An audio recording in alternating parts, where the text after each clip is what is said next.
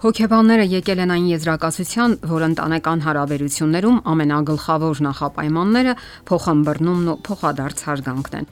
Սրանց հիմքում են ձևավորվում նաև ընտանիքի համար կարևոր այլ նախապայմաններ։ Ամուսնական հարաբերությունների լավագույն եղանակը անկեղծորեն փոխհմբռնման գնալն է հետաքրքիր շփումները կողակցի հետ։ Օրվա ընթացքում ձեզ հարկավոր է նվազագույնը 3 ժամ ձեր ընկերոջ հետ շփվելու այն թեմաների վերաբերյալ, որոնք այսպես ասած ծանր չեն, որ չեն վերաբերում նյութական, տնտեսական հիմնախնդիրներին։ Այդ 3 ժամը նախատեսված է հոգեկան ջերմ միության, թեթև ոչ լարված զրույցների համատեղ գործունեության համար։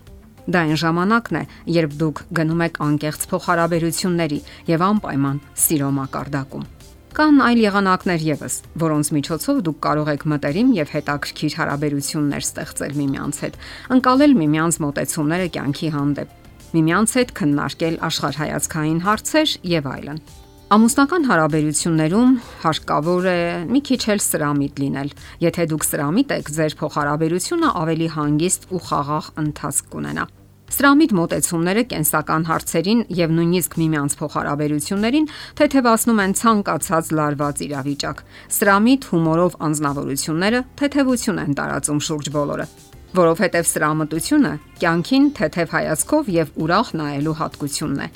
Նաեւ տարբերակների միջև անսովոր ընտրություն կատարելու ունակություն։ Այդ ընթացքում իհարկե հնարավոր են թյուրըմբռնումներ սակայն դրանք հարկավոր է արագ հարթել եւ անցնել առաջ։ Այդպես դուք կարող եք նաեւ հաճելիորեն զարմացնել դիմացինին։ Սրամտությունը սովորաբար օգնում է հարթել շատ թյուրիմացություններ առանց ավելորտ աղմուկի եւ քաշքշոցի։ Կարող եք նաեւ հումորային զվարճալի հաղորդումներ դիտել միասին։ Ամուսնական փոխհարաբերությունը ենթադրում է մտածելու գործընթաց։ Ապրելով իներցիայով դուք անընդհատ կանգնելու եք կոտրած տաշտակի առջև։ Այսօրը դա երեկը չէ։ Այսօրը նոր հնարավորությունների ընթացքն է։ Այլապես դուք կհայտնվեք ճահճի մեջ։ Առավել հաճախ մտածեք այն մասին, թե ինչ եք ցանկանում կյանքից եւ ձեր կողակցից, որտեղ եք գտնվում դուք։ Մտածեք, թե ինչ եք ցանկանում նվիրել ձեր կողակցին եւ ինչ եք ցանկանում ստանալ նրանից։ Եթե ձեզ թվում է, թե ձեր կողակիցը կորցրել է սիրելու ընտունակությունը, ապա ժամանակն է ստուգելու, իսկ միգուցե այդ դուք եք կորցրել սիրելու ընտունակությունը։ Ճշտեք անկեղծորեն, կամ միգուցե առանձնահատուկ պահանջներ եք ներկայացնում սիրելու համար։ Ձգտեք հարաբերությունների թե պահպանմանը, թե բարելավմանը։ Միայն այդպես կարող եք պահպանել ամուսնությունը որpիսի այն ոչ քայքայվի եւ ոչ էլ գլորվի իներցիայով։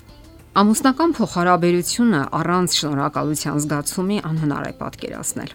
Այն տպավորությունն է, որ մարդիկ միայն տոնական օրերին են հիանալի տրամադրության մեջ։ Ամանորին օրինակ նրանք որոշում են շնորհակալ լինել միմյանցից, բարի եւ առատաձեռն լինել, ներել միմյանց, հաշտվել։ Մարդկանց լավ որակները ցավոք հիմնականում հիշվում են միայն այն ժամանակ, երբ մարդն այլևս չկա երբ այլևս հնարավորություն չկա շնորհակալություն հայտնելու նրան։ Դա մեծ անարթարություն է։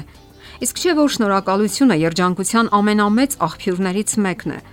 Հատկապես ամուսնական հարաբերությունների մեջ, որովհետև մենք շփվում ենք այն անznավորության հետ, ում հետ անցել ենք մեր կյանքի դժվար եւ ուրախ պահերը։ Եվ չարժե արդյոք շնորհակալ լինել նրանից այն բոլոր հաճելի պահերի համար, որ նա ապարգևում է մեզ։ Անգլերեն լեզվում այսպիսի արտահայտություն կա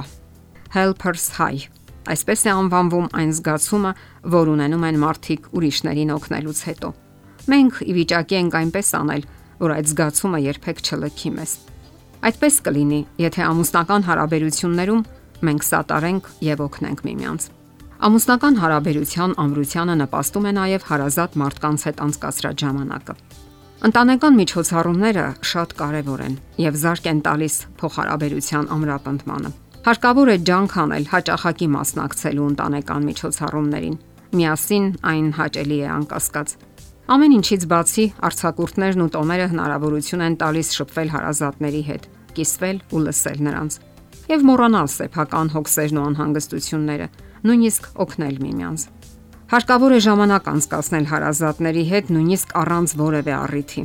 Առիթը հենց ջերմությունն է Հավաքվեք պարզապես Կիրակնորյա սեղանի շուրջ։ Ճաշեք միասին, մեկ գավաթ թեյ խմեք։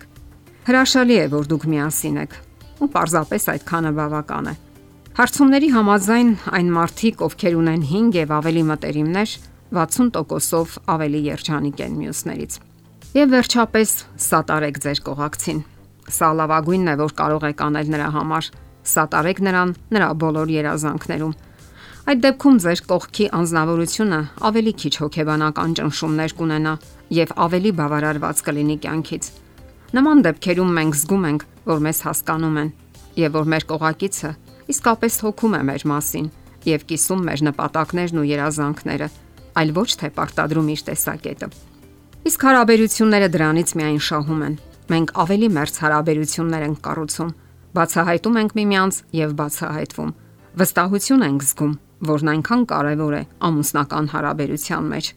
Վստահում ենք, գիտենք, որ անհաջողությունների ժամանակ նույնպես նա մեր կողքին է։ Ամուսնական միությունը հարաբերություն է ողջ կյանքի համար, որտեղ տեղ ունեն թե հաջողությունները, թե անհաջողությունները։ Փորձարկենք այս ամենը մեր կյանքում եւ երջանկությունը չի լքի մեզ։ Եթերում է ընտանիք հաղորդաշարը։ Ձեզ հետ է Գեղեցիկ Մարտիրոսյանը։ Հարցերի եւ առաջարկությունների դեպքում զանգահարեք 041 08 20 93 հեռախոսահամարով։ Հետևեք մեզ hopmedia.am հասցեով։